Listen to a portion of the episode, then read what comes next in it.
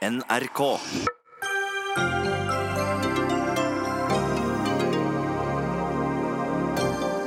En reklamefilm fra Telia der kvinner kaster hijaben får kritikk for å sammenligne handlingen med frihet. Selskapet har også mottatt trusler etter at reklamen har hatt premiere. Facebook, Google, Amazon og Apple betaler for lite skatt til Norge, sier skattedirektøren. Men det kan ta tid å få på plass et internasjonalt regelverk for slik beskatning. Så hvorfor ikke da bare lage et nasjonalt regelverk? USAs tidligere visepresident Joe Biden anklages for upassende oppførsel av to kvinner. Vil det svekke hans eventuelle presidentkandidatur, spør Dagsnytt 18. Og Senterpartiet vil at 90 av oss skal ha maks én times kjøring til legevakten. Hvorfor kaste blår i øynene på folk? Vi klarer ikke å bemanne flere legevakter, advarer kommuneoverlegen i vestlandskommunen Odda.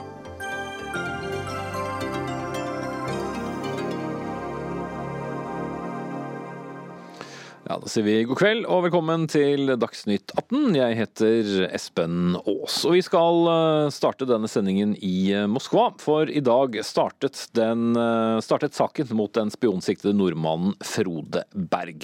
Han har nå fått seks nye måneder i varetekt, og korrespondent Jan Espen Kruse, du har fulgt denne rettssaken i dag.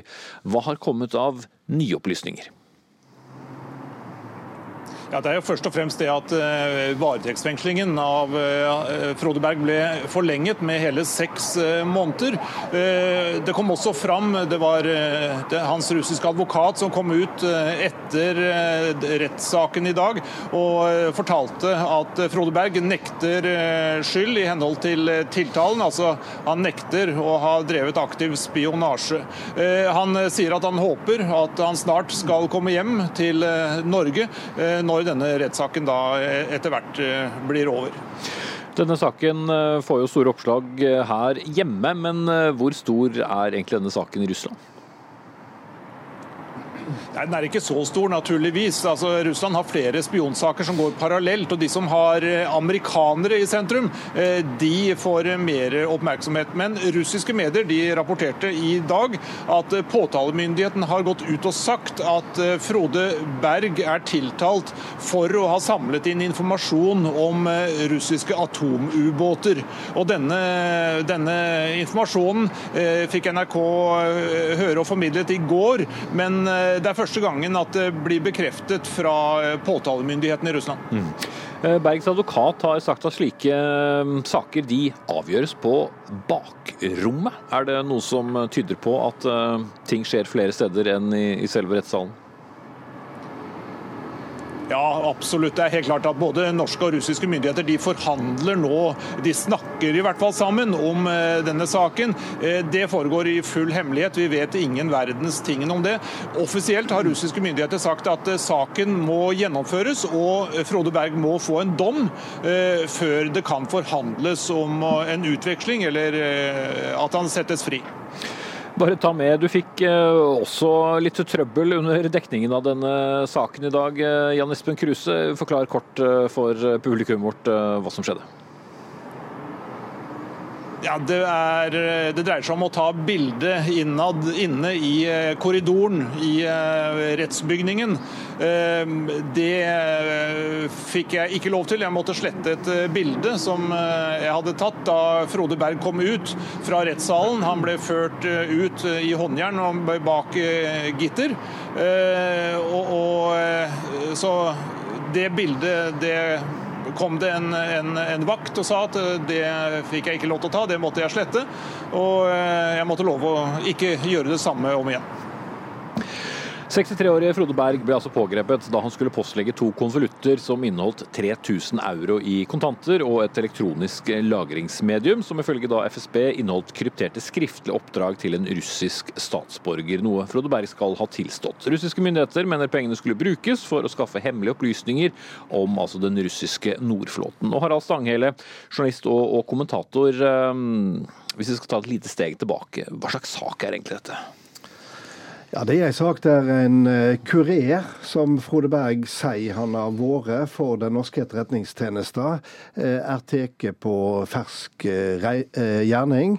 Og det er gjerne det du ikke skal verte når du er på hemmelig oppdrag. Mm.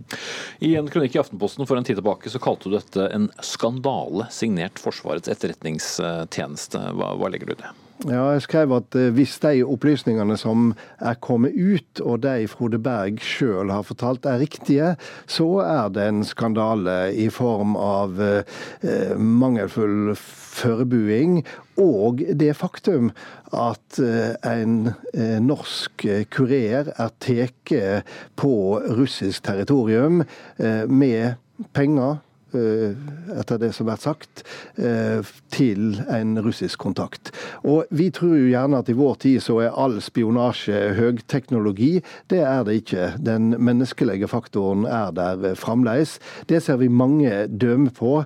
Men eh, det å bli teken på fremmed territorium, det er det som ikke skal skje. Da er denne etterretningsoperasjonen eh, en skandale. Øystein Bogen, du er eh, også i Moskva som utenriksreporter i, i TV 2. Og du har også skrevet nylig boken 'En uvanlig spion' om denne Frode Berg-saken. Der skriver du at dette er som et eh, spøkelse fra den kalde krigen. Hva mener du med det? Jo, eh, for det første så er jo denne praksisen eh, ser jo ut til å ha, lange tradisjoner i den norske etterretningstjenesten. Nemlig det å rekruttere til innsats eh, norske sivilister, uforberedte og utrente, til å gjennomføre oppdrag som det Frode Berg var på. Oppdrag som man i bunn, og grunn må kunne kalle livsfarlig, når motstanderen heter FSB, som kanskje er verdens mest effektive kontraetterretningstjeneste. I tillegg så uh, kan man jo se tilbake på at dette her kanskje var vanlig på, på 50-tallet, det å bruke kurerer på den måten her, ta med penger over grensen osv. Men i, i, vår tid så virker jo disse metodene nesten absurd antikverte. Mm. Du skriver at Etterretningstjenesten har opptrådt risikofylt, nesten skjødesløst i sin utførelse, og kynisk på grensen til det desperate. Hvorfor det? Ja, altså Skjødesløsheten går jo da på først og fremst kanskje det å verve en person, få en person uten trening, og i Frode Bergs tilfelle kanskje uten informasjon om hva slags risiko han virkelig løp, til å gjøre et oppdrag som ifølge mine kilder i hvert fall kunne vært utført så mye lettere og mindre risikofylt, f.eks. ved å benytte det de aller fleste etterretningstjenester gjør hvis de må ta med penger og andre ting, nemlig å bruke personer med diplomat diplomatpass, som da ikke kan bli fengslet på, eh, på samme måte. Eh, og så er det jo igjen da dette her med å eh, det, det, det, at Hva slags risikovurderinger ble egentlig gjort i bakgrunnen av dette her? Altså Man kan jo kanskje godt forstå fra et etterretningssynspunkt at en person som Frode Berg, en russlandsvenn, en mann med mange kontakter i Russland, kunne være fristende å bruke, men, men han var jo veldig engasjert i dette grensesamarbeidet med, med Russland også. og hvis man hadde gjort en god nok risikovurdering her, så ville man jo kanskje sett at hvis han da ble tatt, så ville dette føre til konsekvenser, politiske konsekvenser, både nasjonalt og ikke minst lokalt i Øst-Finnmark, hvor man verdsetter dette grensesamarbeidet så høyt. Mm. Stanghelle, du etterlyser konsekvenser i etterretningstjenesten av eh, denne saken under de forutsetningene du nevnte i sted. Hva slags konsekvenser burde det i så fall være snakk om? Ja, Det vet jeg ikke. og Litt av problemet er jo at vi ikke har hele bildet. Vi ser at norske norsk etterretningstjeneste er larmende taus i denne saka. Vi ser at norske styresmakter sier ingenting. Vi ser at de politisk ansvarlige uh, er like tause.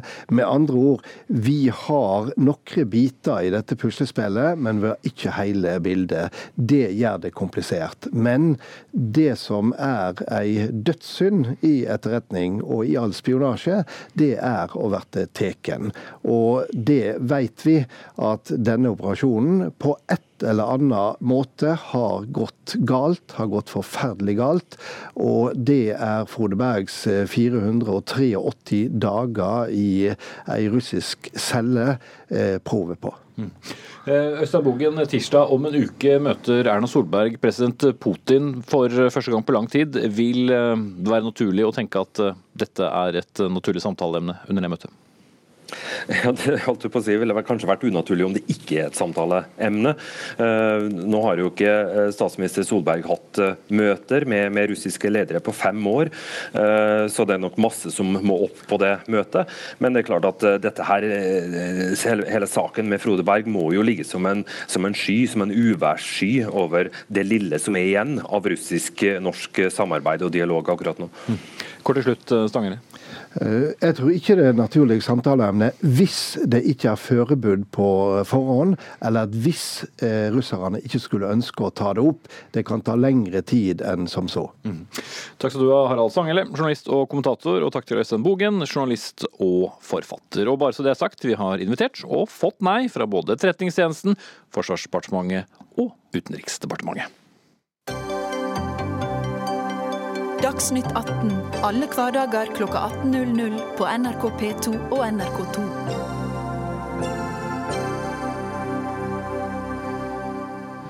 I sin eh, nyeste reklamefilm så viser teleselskapet Telia klipp av barn som danser, et homofilt par som gifter seg og en mann som hopper i sjøen. De viser også en kvinne som tar av seg en hijab, og en kvinne som retter på hijab i speilet, akkompagnert av teksten 'Vær trygg, fri og deg selv. Og dette har skapt reaksjoner blant flere, også noen norske muslimer. Men Abraham Foss, administrerende direktør i Telia Norge, i melding i ettermiddag kom det også melding fra Oslo-politiet om en trussel mot Telia som dere tror kan ha en sammenheng med denne eh, reklamen. Eh, hva er det snakk om her? Eh, det er riktig at vi har fått inn en uh, trussel. Uh, politiet, vi er i nær dialog med politiet. Vi, det er sikkerheten til de ansatte som er det viktige i en slik situasjon. Og vi føler at vi har, det, det er ikke noe stort trusselbilde vurderes slik nå. Og vi har da ganske, det er ganske tøff situasjon for de ansatte som står i en slik, slik situasjon. Eh, men eh, vi er komfortable med situasjonen slik den er nå. Så har det altså, som jeg nevnte, kommet ganske mange reaksjoner på, på denne reklamevideoen, ikke minst i, i, sosiale medier, hvor en del reagerer da at dere kobler det å, å, å ta seg en hijab med, med frihet. Eh, var det også meningen? Det vi ønsker å sette fokus på, er at vi heier på kraften i enkeltmennesket som tør å ta sine egne eh, valg, og som kan føle frihet og trygghet til å gjøre det, og står i det. Eh, da, vi, eh, da er dette en av flere episoder eller scener som viser hvordan vi da, hvordan i vanskelige situasjoner at enkeltmennesket tør å ta sine valg. I dette tilfellet ta, ta på hijaben eller ta ta av hijaben. Vi viser begge tilfellene. Eh, og det for å, vise, for å nettopp eh, vise da frihetsdimensjonen jeg refererte til. Mm. Hvorfor valgte man nettopp hijab? Er det fordi det er kontroversielt? Nei, dette er, dette er ett av flere eh, temaer. Eh, det er klart at eh, en del i dag som tør å stå for sine egne valg og tør å ta standpunkt i vanskelige temaer, opplever veldig mye netthets. Og Det gjelder jo nettopp kontroversielle temaer. slik at Dette var én av flere andre episoder. Dette dreier seg for oss ikke om religion som sådan, det dreier seg om hvordan mennesker blir utsatt for, eller foretar forskjellige valg. og da i kontroversielle, kontroversielle temaer, så, så, opplever man da netthets. Og det, dette viser jo Situasjonen i dag viser jo nettopp viktigheten av en slik debatt. Mm. Eh, dere skal jo selge mobilabonnementer, først og fremst. Eh, var dette en litt sånn politisering eh, av uh, reklame? Nei, det vil jeg ikke si. Men uh, vi har som merkevare et ønske om å ta del i det samfunnet vi betjener. Og slik sett så er vi en del av uh, samfunnsdebatten uh, på lik linje med andre aktører. Mm. En av dem er deg, Thomas Haley. Du er styreleder i det som heter Islams lære og metode. Og i en kronikk på Nettavisen så skriver du sitat, at det er avskyelig at Telia er selektive når det kommer til hva som skal defineres som frihet. Hva er det avskyelige her? Jeg tenker det avskyelige er at uh, Telia på en måte er selektive i fremstillingen av hva som defineres som frihet. Fordi Hvis man ser på begge de kvinnene som uh, hvor den ene tar på hijab og hvor den andre tar av, så ser man at den som tar av hijab, virker tilsynelatende ganske mer uh, lykkelig og glad, mens den som tar på, eller tilsynelatende på, selv om ikke det kommer ganske tydelig fram, ser litt trist ut, og det er litt sånn dystert. Eh, så jeg tenker at den fremstillingen ikke er på en måte lik. Man kunne men er den avskyelig? Avskyelig? Eh, den er ikke avskyelig, men hvis man på en måte ser den opp imot eh, fordommene muslimer går igjennom i dagens samfunn, så kan det være på en måte bekrefter det den avskrekkende teorien om at de som bærer hijab, er de som er tvunget og ikke frie. Mens de som tar av hijab, er de som er frie og lykkelige. Men det er jo en del som assosierer det med et eh, kvinneundertrykkende plagg? Ja, selvfølgelig. Men jeg tenker at uh, det burde kommet litt mer uh, frem. At det burde ikke vært et dystert bilde av den som eventuelt tar på hijab. Fordi jeg tenker at man ikke trenger å ha en bestandt mening om dette, siden reklamen er jo åpen for mange tolkninger. Men jeg tenker at det fins mange unge jenter som har tatt et selvstendig Eh, og fritt valg å bære hijab. Og jeg tenker at de kan føle seg ekskludert når de ser en slik reklame. Mm. Eh, Kamzy Gunaratnam, du er varaordfører i Oslo for Arbeiderpartiet. Eh, Forsto jeg deg riktig, så fikk du nesten helt motsatt inntrykk av, av, eh, denne videoen? Ja, nå skal det sies at Jeg så videoen først når jeg fikk klager om at Kamzy, du må reagere på dette her.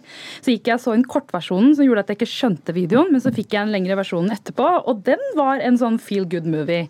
Eh, og jeg opplever jo som politiker så er jeg opptatt av ytringsfrihet. Jeg er opptatt av kunstnerisk frihet. Eh, og jeg opplever at det å produsere reklamefilmer det går under kunstnerisk frihet. Og så lenge du ikke diskriminerer, trakasserer, hasj, nei, unnskyld, eh, hetser, så skal du kunne gjøre det du vil. Så det jeg opplever her, er jo å ta noe i verste mening. Eh, for det jeg så av de to kvinnene på hver sin side, det jeg så, var en som fikk vind i håret når hun tok av seg hijaben, og så var det en som konsentrerte seg, viste respekt mens hun satte på hijaben. Som er så utrolig vakkert. Det er, liksom, det, er det jeg vil at Oslo og Norge skal skal være. Så jeg hadde ikke den reaksjonen i det hele tatt. Så du var uenig med de som ville at du skulle reagere? Ja, jeg var uenig, men jeg måtte jo også utfordre det litt tilbake. Eh, og jeg har jo veldig mange eh, venninner, veldig mange følgere, veldig mange som snakker med meg om sine hjertesaker. Og her, det som var litt rart, er at når du boret og kom ganske langt inn, så var det to ting eh, jeg kom fram til. Det ene er at det er veldig mange som reagerer på Mia Landsem i den videoen, eh, og trakasserer videoen pga. henne. Eh, og bruker mange andre unnskyldninger. Mm, det er det ene. Forklar omstendighetene rundt henne for de som ikke har sett videoen. Eh, Mia Landsem er en dyktig, dyktig ung jente som bare er 22 år gammel og har satt veldig mange saker på politisk dagsorden, men som er kontroversiell fordi hun er uredd. Hun sier det hun mener. Og det gjør at hun er blitt hetset av veldig mange mennesker, særlig menn. Og i den videoen så lar hun nettrollet sprekke, og det er veldig deilig å se på.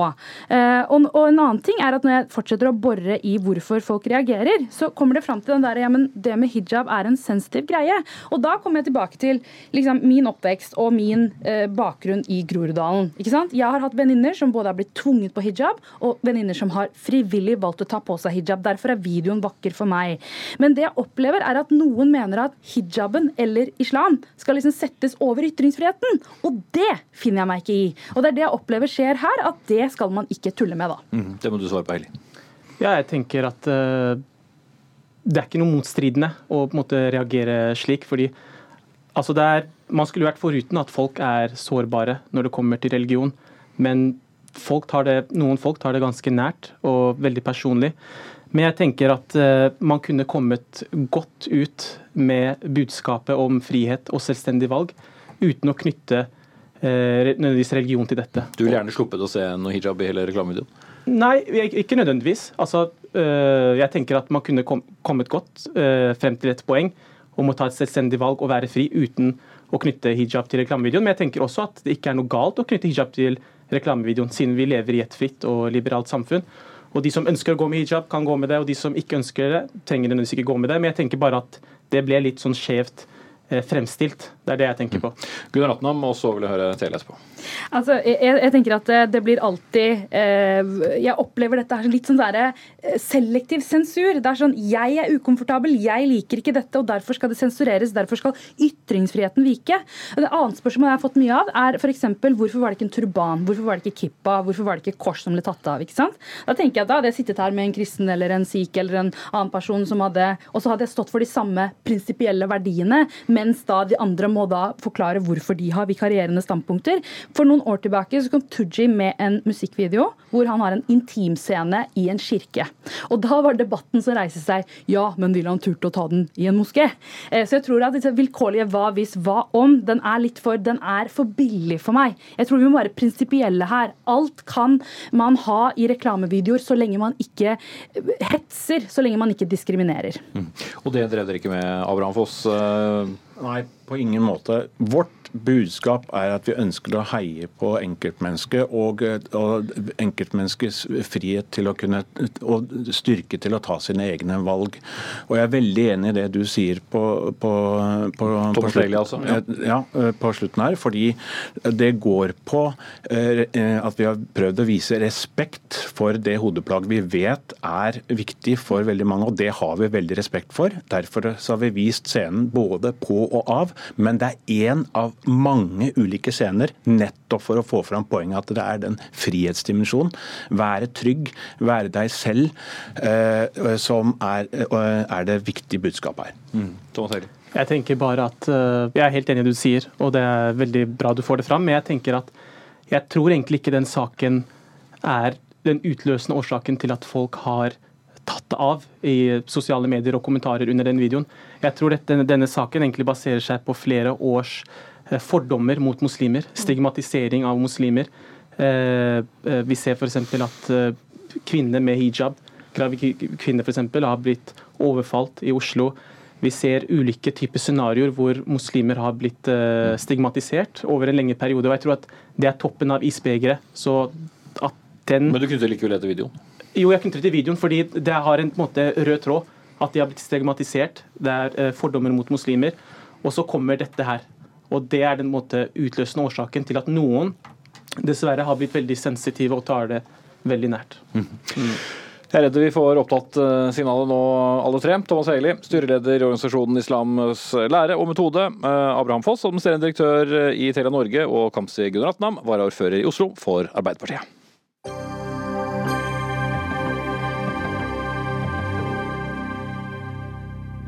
De store mediegigantene Google, Facebook, Amazon og Apple tar for seg av det norske reklamemarkedet, men skatter nesten ingenting av inntektene. Og det vil skattedirektøren i Norge gjøre noe med. Hva får du vite litt senere i sendingen. Vi skal eh, forholde oss eh, til mer religion, faktisk. Eller i hvert fall eh, er det rammen. Organisasjonen Åpen folkekirke gjorde nemlig et brakvalg under forrige kirkevalg, men kan nå like godt legge ned. Årsaken er at deres kampsak om likekjønnet vigsel ble tillatt i kirken. Og den som mener dette er deg, Alf Jøsund, redaktør for religion og debatt i avisen Vårt Land. Eh, mener du at det var alt de hadde å komme med? Nei, og jeg vil jo gjerne si at det er ikke sånn at jeg personlig har et sterkt ønske om at Åpen folkekirke skal legges ned. Og det er heller ikke sånn at jeg ikke ser at det er gode argumenter for å ha et partisystem i kirkedemokratiet. Men jeg har vært på kirkemøte noen ganger, og jeg har jo eh, ikke unngått å sette at nå er spørsmålet om likekjønnet vigsel eh, løst. Og det jeg syns det er ganske tydelig at det er vanskelig å fange opp kirkedemokratiet i et partisystem som Åpen folkekirke legger opp til. Kirkemøtet er konsensussøkende. F.eks. arbeid i komiteene.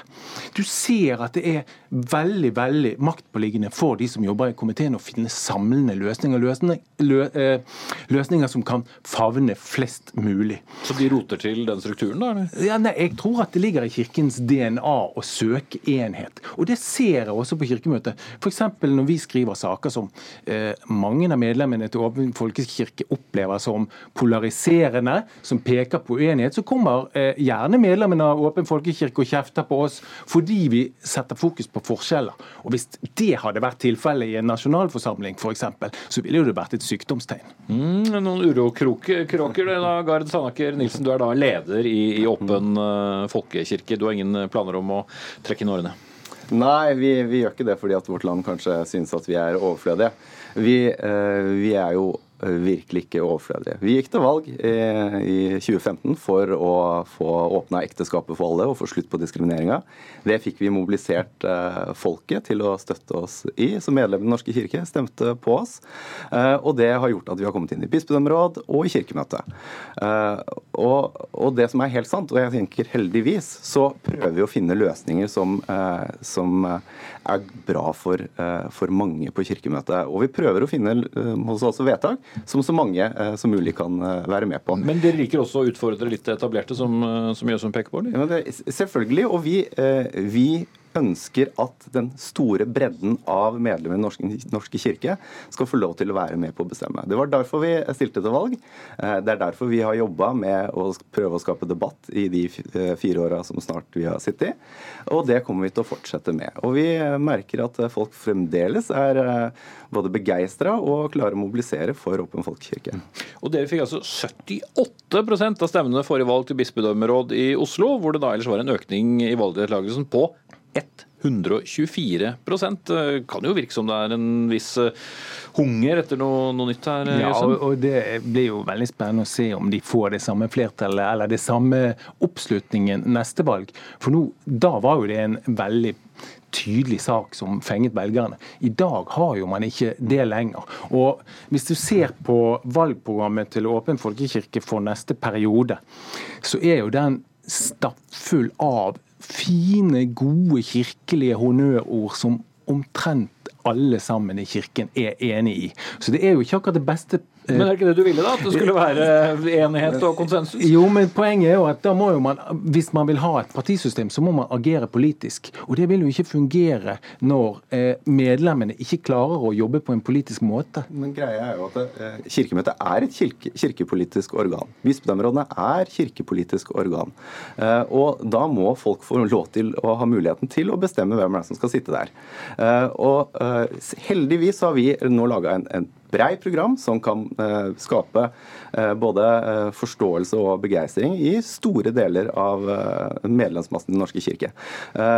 Og det vi, Sist så ble vi anklaga for å være et ensaksparti, bare vigsel for alle. Så var det i tillegg demokrati som var viktig. Og nå viser vi vi har en stort, bredt engasjement for Den norske kirke. Sånn at de ikke skal være A- og B-medlemmer, men alle skal uh, være med. Og så stemmer det ikke at uh, både vigselsaken er uh, liksom safe og nå er slutt på diskriminering. I flere bispedømmer så blir fremdeles ikke likekjønna eller prester som er gift med en av samme kjønn, blir tilsatt som prester.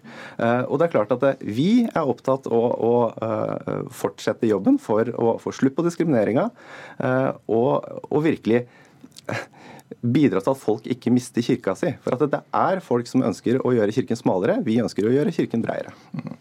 Og Det er riktig at det er noen formuleringer i dette programmet som handler om kjønnspolitikk og, og, samlivsetikk.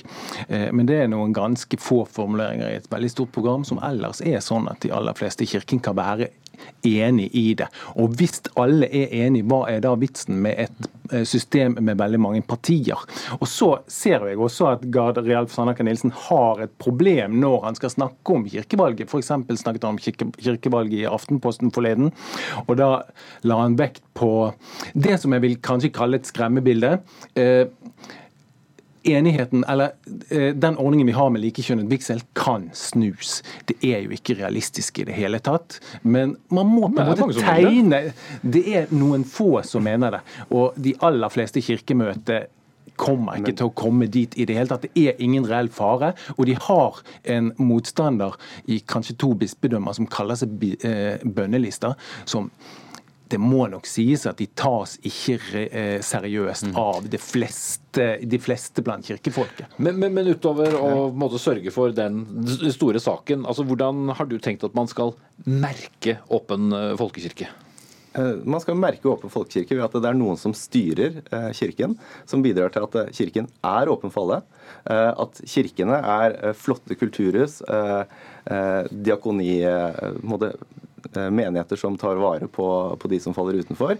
Ikke stenge kirken, ikke gjøre eh, kirkedøra trangere, men åpnere. Eh, og det er ikke sånn at eh, noen, De fleste steder i Oslo og noen andre steder eh, rundt omkring i Norge, eller mange steder, så er det eh, flotte, åpne menigheter. Men ganske mange opplever også at menigheten er stengt. Eh, at ikke de er gode nok. Eh, og det kjemper vi for eh, hver eneste dag. Dette hørtes ut som et perfekt program for et, et, en ettpartistat der Nei, alle er enige. Og, og det er jo altså, ønsker- for å si sånn- jeg liker jo den retorikken. Jeg Men mener jo dette her er noe av det unike med Kirken. At den skal være samles, man skal finne løsninger som de aller fleste kan eh, samles om. Og så Men den har vel hatt godt av noen utfordringer opp igjennom, kanskje? ja, absolutt. Og så ser du jo også at eh, eh, i noen bispedømmer så blir man eh, veldig sinte når man ikke følger det kirkelige votumet eh, ved nominasjon til bispekandidater, og så, og så setter man foten ned. Og Det mener jo jeg at selvsagt at Åpen folkekirke har eh, rett til. Men, men du ser at det ikke bare det. men men da gjelder det stort sett én sak, og det er- den typen sak som da er danner et skille mellom konservative og Men da er spørsmålet hva er alternativet? Eh, Et, et levende demokrati trenger alternativer. Vi synliggjør hva vi vil. Eh, Og da må andre faktisk synliggjøre hva de vil, for at velgerne skal kunne eh, velge. Ja, det, det er interessant Og- det du sier, for Jeg vil ikke si at dette programmet synliggjør hva dere vil. For dere vil jo ting som absolutt alle vil. Så Dermed blir det ikke tydelige alternativer. Eh, Men, men vi sier hva vi ønsker å styre Den norske kirke på, og da må vi være breie. Vi må vise hva vi faktisk ønsker. Og så kan andre si nesten det samme. Folk kan kritisere stortingspartiene for at de nesten er enige. Eh, At eh, Høyre og Arbeiderpartiet kunne nesten slå seg sammen, sier noen. Jeg skjønner ikke helt hva jeg skal velge. Eh, Og det er akkurat samme kritikken, at vi viser hva vi vil med Den norske kirke, og så må andre vise hva de vil. ja. Og Når du forklarer det sånn, så blir jo det bare enda mer åpenlyst at man hadde ikke trengt et partisystem. For det ville vært så vanskelig å finne alternativet til nettopp den bredden som de gjør uttrykk for. At kanskje man burde bare gått tilbake til en nominasjonskomité sin da- liste, og så kan kandidatene forklare hva de vil nettopp på den listen, og så kan man velge kandidater som er i samsvar med det. Jeg må rett og slett sette et eh, punktum der. Det var veldig spennende. Og spørsmålet består, tror jeg, hvor åpen man er for Åpen eh, folkekirke. Takk til Gard Sandaker Nilsen fra nettopp Åpen folkekirke og Alf Jøsund fra Vårt Land.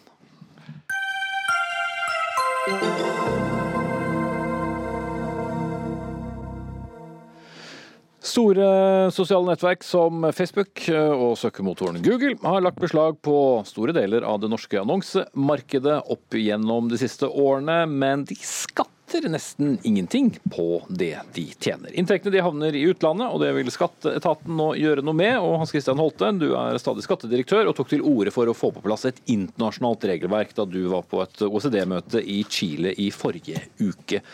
Hva slags regelverk ser du for deg? Det vi har jobbet med nå, det er å få på plass et regelverk som klarer å ta inn over seg eh, at verden er stadig mer digital. Så du kan si de reglene vi har hatt internasjonalt så langt, de har basert seg på at eh, et selskap, selv om det opererer over landegrensene, det har en fysisk tilstedeværelse.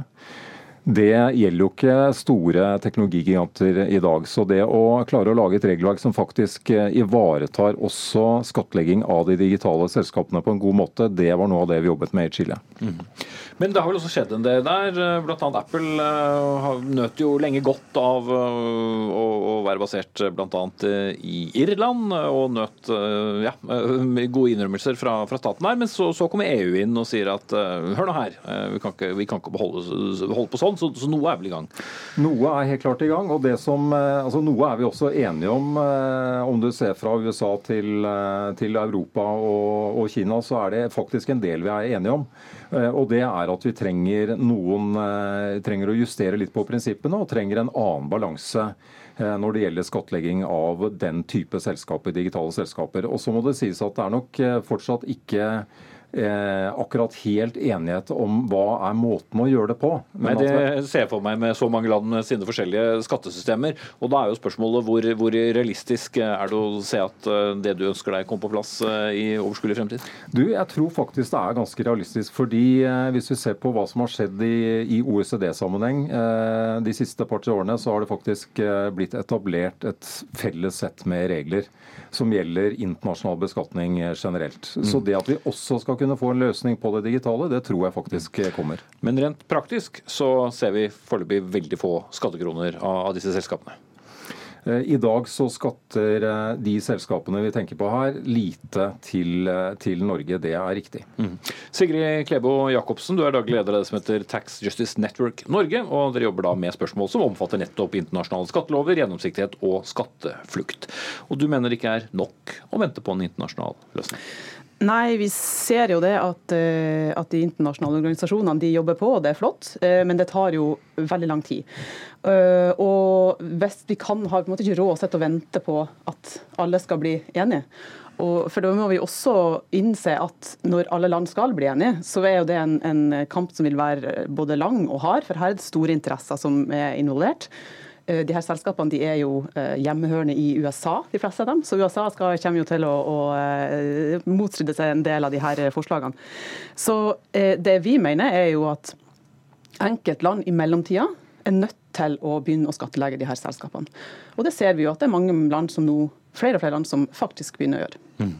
Men det kan vel også kanskje fort føre til at de ikke er like attraktive, da. Hvis, altså I hvert fall de første landene som skal for å få, få etabler, større etableringer da fra de samme multinasjonale selskapene. Ja, altså Nå snakker vi om de digitale gigantene som uansett ikke har noen fysisk tilstedeværelse i, i, landet vårt. Eh, og, og, de kommer jo ikke til å flykte fra landet. Jeg mener at Facebook skulle forsvinne fra det norske markedet. Hvordan skulle det ikke sant, ikke sant. skje? Men det vi jo faktisk ser som er skummelt, er jo at, at på enkelte områder så begynner jo eh, Facebook og Google de skal jo opprette datasentre. Eh, det, det, trenger de å være fysisk til stede på. Men det vi jo ser da, er at det har de oppretta i, i, England, nei, beklager, i, i Sverige. Og da klarte de jo å eh, forhandle ned den elskatten de skulle ha der. De, og, og, Samtidig så gikk jo elskatten opp for vanlige forbrukere. Så de har jo en, en vanvittig politisk makt eh, til å, å, å, sette bak kravene sine når de først skal, skal etablere seg. Da. Og Det er jo et et, et, større demokratisk problem. Mm. Og bare for å være veldig praktisk eh, på det hele, altså, det handler jo da om at disse store eh, altså Du skal ikke være lenge på Facebook før du ser selvfølgelig masse norsk reklame der. Tanken er jo hadde den samme reklamen vært på norske nettsteder, så ville det vært skattlagt på en helt uh, annen måte. Går det an overhodet holdt å, snakke om hva slags beløp vi går glipp av her? Svaret er nei, egentlig. Det, det, er ikke lett. Og det er jo litt uh, rett og slett fordi at vi ikke er enige om hvilke prinsipper som gjelder. så eh, disse selskapene i dag vil si at de skatter akkurat det de skal, og så er det avhengig av hva slags eh, ny, nytt regelsett man velger hva det blir. Men jeg har lyst til å si til, til, til Tax Justice Network her at jeg er bekymret hvis det blir for mange nasjonale løsninger. Og Grunnen til det er at vi risikerer en situasjon hvor det blir ulike nasjonale løsninger, det skaper to ting. Det skaper for det første mindre forutsigbarhet både for eh, skatteadministrasjoner og selskaper, og det gjør det vanskeligere å komme til en sånn felles løsning. Nå har eh, vi fått til felles løsninger på mange områder. Det eh, ønsker jeg og tror at vi også skal få til på det digitale, men da blir det vanskelig hvis vi får mange ulike nasjonale løsninger. Mm. Guttorm Skjeldrup har vi også med oss. Du er professor i Norges handelshøyskole. Jeg har ikke hørt hele debatten her. men men, men, du kjenner jo problemstillingen. Hva har vært da praktiske utfordringer i, i arbeidet med å få på plass internasjonale eh, regelverk for, for skattlegging av, av firmaer som dette? Ja, Det er eh, mange ulike grunner til hvorfor det er vanskelig å skattlegge disse selskapene. Den ene er jo det at de er egentlig eksportører av tjenester fra utlandet. og Som sådan så har de ikke butikk i Norge. Butikken er erstattet av en app eller et nettsted. Og Så bytter de tjenester uten å bokføre dette salget. De skulle egentlig bokført eh, både kjøp og salg når man bytter tjenester, og skatte for det. Og Sist, men ikke minst er det jo eh, i hvert fall en utbredt oppfatning at de flytter konsernoverskuddene sine til lavskatteland uten egentlig å betale noe skatt. Og I siste instans er også dette et spørsmål om kamp om skatteøre mellom USA, som er hjemsted for disse store selskapene, og eh, i hovedsak de europeiske landene. Alt dette i sum gjør det vanskelig å håndtere problemstillinga. Mm. Men det er jo de som har eh, forsøkt? Ja, eh, som Holte var inne på, så, så, har jo både Frankrike og England eh, ensidig inngått, eh, innført, eller skal og har innført omsetningsskatt på, eh, på eh, digitale inntekter. Det gjør selvfølgelig det at eh, det blir vanskeligere å administrere multilaterale ordninger hvor alle landene er med på, på en ordning. Og det kan også selvfølgelig føre til en situasjon hvor andre land blir så ivrige etter å innføre ensidige nasjonale tiltak at det blir vanskelig å få til på plass en fellesløsning. Mm. Sigrid Klebo Jacobsen fra Tax Justice Network Norge. Mange bokstaver dette her. Eh, du er også bekymret for at disse selskapene kan eh, utnytte denne tiden som går til å bedrive eh, lobbyarbeid, og, kanskje da gjøre det enda vanskeligere å få til endring? Ja, vi, vi ser jo det allerede i, i, i når OECD har jobba for mer, å få mer åpenhet om de her selskapene. For det er jo en av de tingene som vi virkelig trenger, det er jo å vite hvor mye Tenk, vi vet ikke engang hvor mye de de selger for i Norge. Um, og OECD har, uh, har, hatt prosesser der man har prøvd å få standarder for å få de her tallene ut og åpne. Men så har de sagt at nei, men selskapene de ville ikke at de her skulle offentliggjøres, de her tallene. Så da blir det ikke sånn. Men, men uh, i og med det er jo eh, noe kjøp og salg ute og går her. Man kjøper jo annonseplass uh, hos uh, Facebook. man sørger for å få en betalt plassering hos Google osv. Så, videre. så dermed må det vel kunne gå an å få en slags oversikt. Holdt Altså norske, norske selskaper som, som annonserer, oppgir jo sine budsjetter og, og sine utgifter. Ja, så, så, jeg tror jo generelt så er vi, eh, er vi, enige om at eh, åpenhet er en bra ting, og det, det gjelder også, også, dette området. Og jeg tror også det er mulig å finne beskatningsløsninger her, da, løsninger for skattlegging som, eh, som bl.a. tar utgangspunkt i, i Eh, kan du si, en andel av det som eh, markedsføres over disse plattformene i, i det enkelte landet. Mm. Og Det er blant de mest lovende kan du si, alternativene som det jobbes med, med internasjonalt nå. Mm. Det som jeg bare legger til en ting til, det jeg tror er viktig, er at vi ikke får egne løsninger for digitale selskaper. Altså Det er vanskelig å trekke det skillet, og det blir også lett litt uoversiktlig hvis vi har ulike beskatningsprinsipper som gjelder for ulike deler av økonomien. Så jeg har veldig tro på å jobbe for noe som faktisk eh, dekker hele økonomien, inkludert det som er digitalt. Mm. Ikke nødvendigvis eh, det samme, men vi har jo da delingsøkonomi. altså Vi har aktører som Airbnb og Uber, som for så vidt ikke er så store i Norge lenger, da, men de slipper å rapportere til norske myndigheter om hva deres brukere tjener årlig. og Det er derfor hver enkelts ansvar å fortelle skatteetaten. Det var jo nye regler som ble innført eh, her i Norge eh, nå nylig, på hva de tjener på å leie ut boligen eller bilen sin. Men Guttorm Skjeldrup, du mener også at norske myndigheter kan gå enda litt lenger her? Ja, det, nå er det jo sånn at Vi vet at når man selvrapporterer inntekt, så har man en tendens til å rapportere for lite. og Dermed får vi mindre etterlevelse av skattesystemet enn, eh, enn det vi ellers ville hatt. Og Dette er godt dokumentert fra en rekke studier. Danmark har gått til det skrittet og si til Airbnb at hvis de skal fortsette å, å bidra til eh, husvær og utleie av husvær i Danmark, så må de rapportere, akkurat som norske arbeidsgivere og banker rapporterer eh, inntekt. Så det er en vei å gå. og, og Markedet er på en måte altfor attraktivt i Norge til at de kommer til å si nei tror jeg, til å delta på sånn tredjepartsrapportering. Akkurat nå er jo denne modellen innbyr jo på en måte til å delta nettopp fordi at en del av basisen kan være at man kan unndra noe fra beskatning. og Det er en type konkurransefordel som jeg ikke tror vi kan la disse selskapene få lov til å ha. Mm. Men Jacobsen, tredjepartsrapportering, eh, det er ikke nok?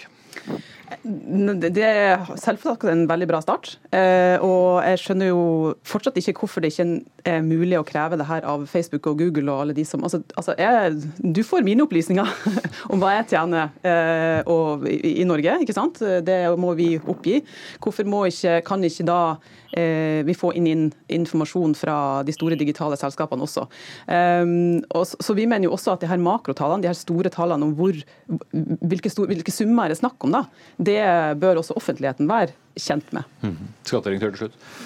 Ja, jeg tror jo at vi, altså, som Schjelderup sier, eh, rapportering av sånne data er, eh, er, veien å gå for å få bedre etterlevelse av skattereglene. Så det ønsker vi også i Norge. Igjen, det er lurt å samordne seg internasjonalt. Hvis disse selskapene skal rapportere på ulikt vis til 200 land, så, så blir ting veldig komplisert. Så igjen, vi må prøve å få til å henge sammen, men vi ønsker oss tredjepartsrapportering, akkurat som vi har på banker og finans i dag. Mm.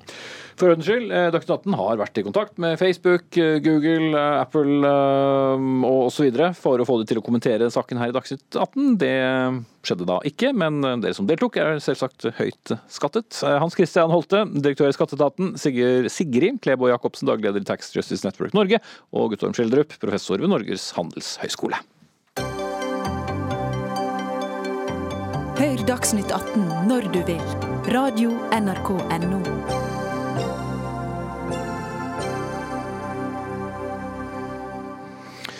Da skal vi eh, snakke om amerikansk politikk og amerikanske politikere. Men tro det eller ei, ikke president Donald Trump denne gang, men snarere USAs tidligere visepresident Joe Biden. Han er igjen blitt anklaget av kvinner for å ha opptrådt upassende, som det heter.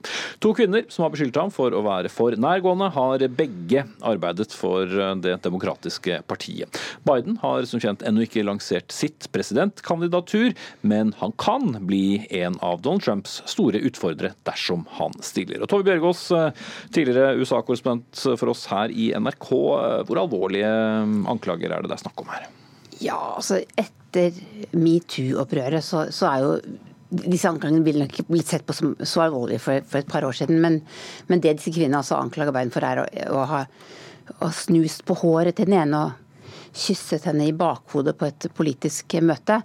Og hun er altså en demokratisk politiker. Og en annen sier at Biden skal ha gnidd nesen sin mot hennes under en fundraising på et kjøkken i 2016, var det vel. Det høres kanskje uskyldig ut, men slike ting skaper altså et visst opprør i USA nå. Ja, for har, denne saken har eskalert eh, etter hvert nå? Den har det, og det er både de som støtter disse kvinnene, og f.eks. kongressleder Nancy Pelosi som sier at, eh, at Biden må være klar over at slik kan man ikke og Hvordan ting kan bli oppfattet når man gjør sånne ting. Og Biden har jo også sagt at han eh, har aldri opplevd at han har tråkket over noen grenser, men at dette er eh, selvfølgelig noe han er veldig opptatt av å å lytte til disse kvinnene.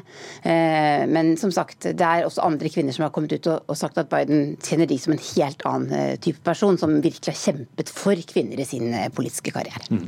Reidar Stisland, du er journalist og forfatter bl.a. av boken om en annen kjent politiker, nemlig Bernie, Bernie Saunders, i tillegg til å være sentralstyremedlem i Rødt. Kan dette denne snusingen, denne nesegnikkingen som de da har reagert på, få noen konsekvenser for ham dersom han skulle ha et fremtidig kandidatur som verdens mektigste mann?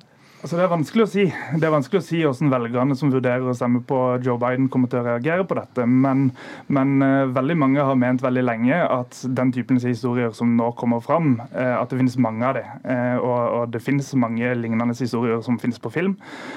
Så, så, også inne blant ekspertene i, i, amerikansk politikk så er det mange som har spådd lenge at, at, det kommer til å være andre kandidater som kommer til å ha større sjanse sånn i lengda enn en Joe Biden. Og De har jo spekulert i type Kamala Harris og Beto O'Rourke, som er noen av de andre som, som tilhører mer sentrumsdemokratene. Eh, samtidig så er det en del målinger som viser at, eh, at eh, mange av de som vurderer å stemme på Joe Biden, de har Bernie Sanders som andrekandidat. Tre, en tredjedel faktisk av de. Så mm. det er spennende å se hva som skjer. Men hva er det som gjør at han får oppslutning? Altså, vi husker ham jo mest som han stille fyren som gikk bak. Mm. Det er jo primært at mange demokrater mener at Joe Biden er den som virkelig kan slå Donald Trump. Han er en eldre mann, han, er, han kan være frekk i debattene, og han kan ta en god del av disse arbeiderklassevelgerne som Trump egentlig tok fra Obama i 2016. Og jeg kjenner mange demokrater på midten av partiet som mener at han er liksom det eneste sikre kortet de har, at han kommer til å vinne. Men så er det jo selvfølgelig mange kvinner som konkurrerer med han, og de mener jo da at hvorfor skal vi da velge en Han være 76 år gammel mann som kandidat. Eh, og når denne saken da kommer opp, så er det, så er det klart at da det, det, det, det, ser jo ikke eh, så veldig eh, bra ut. Eh, men det er altså en enorm splittelse og debatt inne i dette partiet nå, hvor alt handler om å klare å vinne dette valget. og Demokratene er jo kjent for å være all over the place, og det er de i hvert fall nå. Mm -hmm. Jobben hans har vært å få så lite oppmerksomhet som mulig egentlig, mm. som, som visepresident. Han skal jo bare mm. være der i tilfelle. Mm. Så hva kan vi egentlig si om hans uh, politiske plattform? Altså, Joe Biden han er jo Uncle Joe for amerikanerne. Han er den joviale onkelen alle gjerne skulle hatt i familien. Eh, og, og det, det jeg kan kalle for liksom Fabian Stang i, i amerikansk kontekst. En som snorklipper. En, ja, en snorklipper som folk liker, men, men som kanskje ikke kjenner så godt til hva han egentlig mener. Eh, så når det kommer fram at han f.eks. ikke ønsker en helsereform for å få et norsklignende helsevesen, så, så, får vi se, da. Og han er jo, selv om ikke så veldig mange amerikanere vet det, så stemte han for Irak-krigen og støtta bankene etter finanskrisa. En del sånne ting som egentlig ikke er så populære blant denne arbeiderklassen som, som vurderer å stemme på han. da. Sånn at når, når de sakene kommer fram, så, så, kan det også være at han faller en god del på meningsmålingene. Mm. Men vi har vært inne på litt av detaljene som eh, det har blitt reagert på. Men faller det inn under metoo, eh, eller hva? Det er jo det som er debatten. Og noen kvinner som jeg har lest eh, kommentarer fra i dag, sier at de mener ikke at det egentlig gjør det, at dette er mer uskyldig. At dette var kanskje sånn ja, en, en, onkel som sier oppførte seg før. At man ikke kan gjøre dette i dag, men at dette, er slik, at dette må vi bare på en måte godta. Men høyresiden bruker også dette nå for alt det har vært. Og det har jo allerede vært spredt i hvor lang tid, f.eks. På, på, på Twitter. Så det er klart, det er ikke bra når man er i ferd med å lansere et, et kandidatur, noe han altså ikke har gjort ennå. Joe Biden er også en politiker som har en veldig sympati i USA. Han har en veldig spesiell historie. Ikke bare har han vært visepresident, men han mistet den første kona si og en datter i en bilulykke rett etter at han ble valgt inn i Senatet. Sønnen hans døde av kreft mens han var visepresident. Eh, det var liksom, liksom litt derfor han ikke stilte opp sist mot eh, Trump. Så, så, så, så han, han, har på en måte hatt en veldig sånn sympati, så spørsmålet er altså litt hva som kommer til å skje med, med den, og om han kanskje kunne ende med at han kanskje ikke stiller opp likevel. Og gjør han ikke det, så har faktisk Michael Bloomberg sagt i dag at han kan vurdere å ombestemme seg, som har sagt han ikke skulle stille, at han kanskje kan komme til å gjøre det likevel. Så her er det. Men ja. Eh, veldig kort til slutt, eh, Strisland, kan dette også da være godt nytt for, eh, for, Bernie Sanders? Ja, det er definitivt godt nytt for Bernie Sanders hvis, hvis f.eks. Joe Biden skulle finne ut at han ikke stiller. For som jeg sa, så en tredjedel av velgerne til Joe Biden de har Bernie som andrekandidat. Så, så hvis, hvis, han ikke stiller, så, så, kan det fort bli Bernie Sanders som, som går ut som vinneren av primærvalget til Demokratene. Mm. Som dere begge har understreket, vi vet ennå ikke om han han stiller. Men eh, takk for eh, denne innføringen i det andre eh, Joe Biden. Tove Bjørgaas, tidligere korrespondent for NRK i USA, og forfatter og journalist Reidar Stigsland.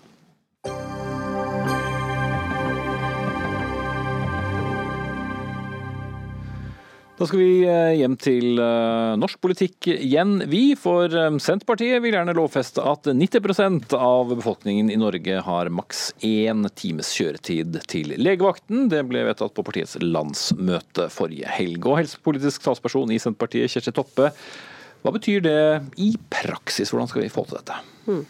Nei, Vi ønsker jo å innføre en maksgrense for reising til legevakt. Eh, og Det er fordi at eh, vi vet eh, at går reisetida over en time, så viser flere studier at da går òg kontakten med legevakten ned. Mm, men rett praktisk må vi da ha flere legevakter? Ja, det er jo i, i, i praksis. Men når kontakten med legevakten går ned, så betyr det òg at kontakten ved livstruende tilstander går ned. Det er ikke bare ved måte, ting som kan vente og sånn.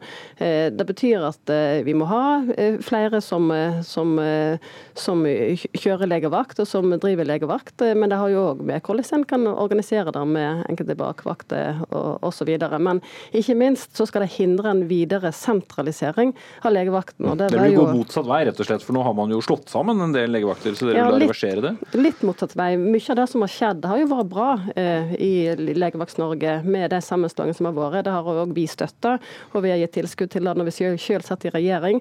Men nå må vi se på balansen i rett. Kanskje noen er for store i dag, men, eh, men vi må iallfall hindre en videre sentralisering. Og det er på gang i mange plasser i Helse-Norge i dag.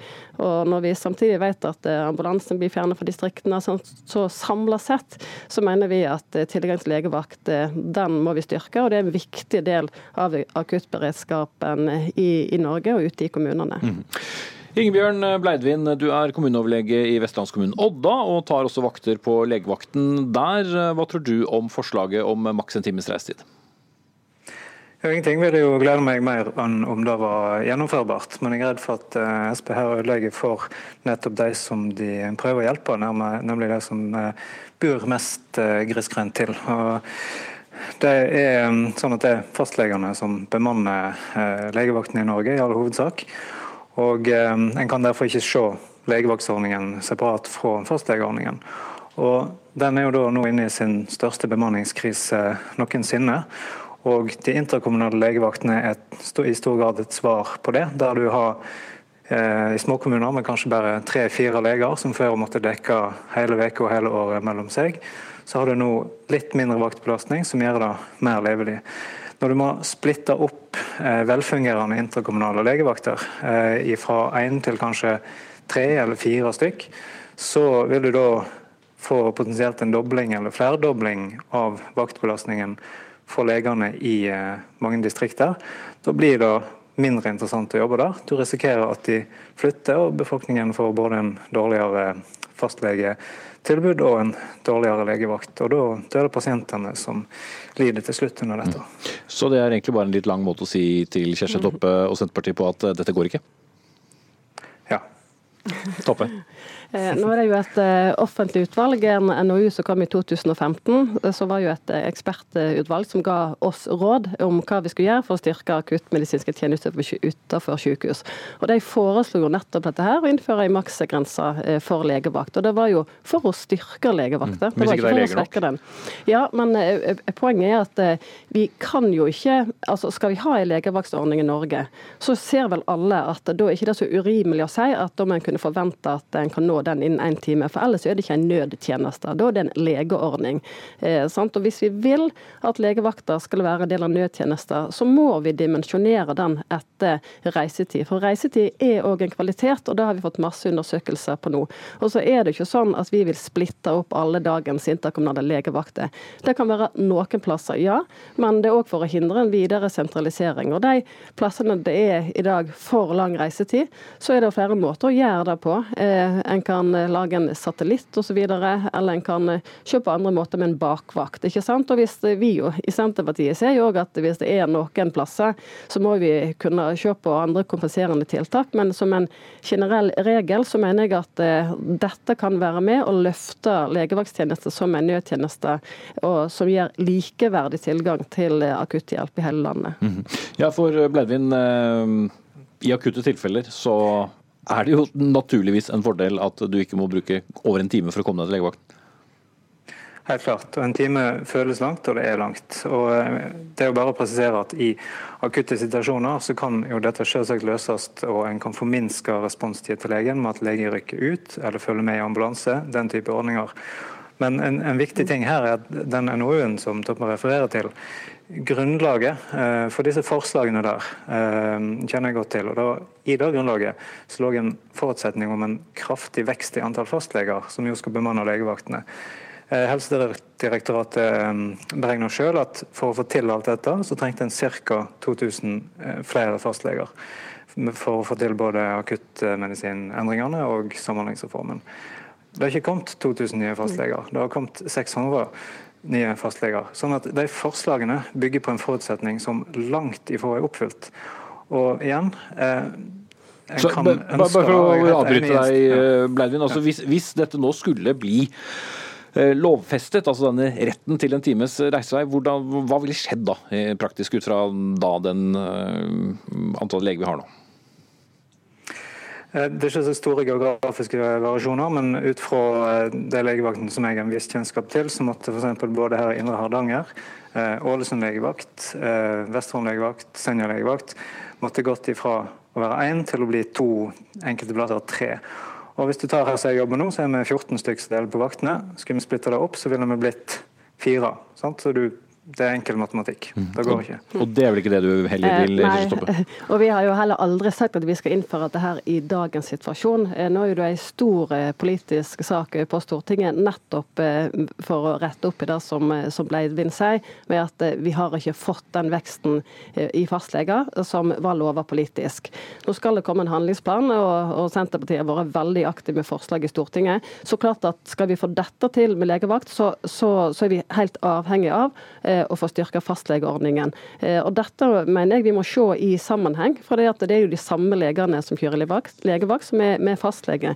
Og Det som vi er redd for, da, hvis en ikke er villig til å se på eh, reisetid til legevakt, så, så, så, vil det skje at det er det frivillige brannvesenet som står igjen, som er først responderen ute i kommunehelsetjenesten. Og det er jo ikke en kvalitet som vi skal på en måte Det skal jo være en tilleggstjeneste.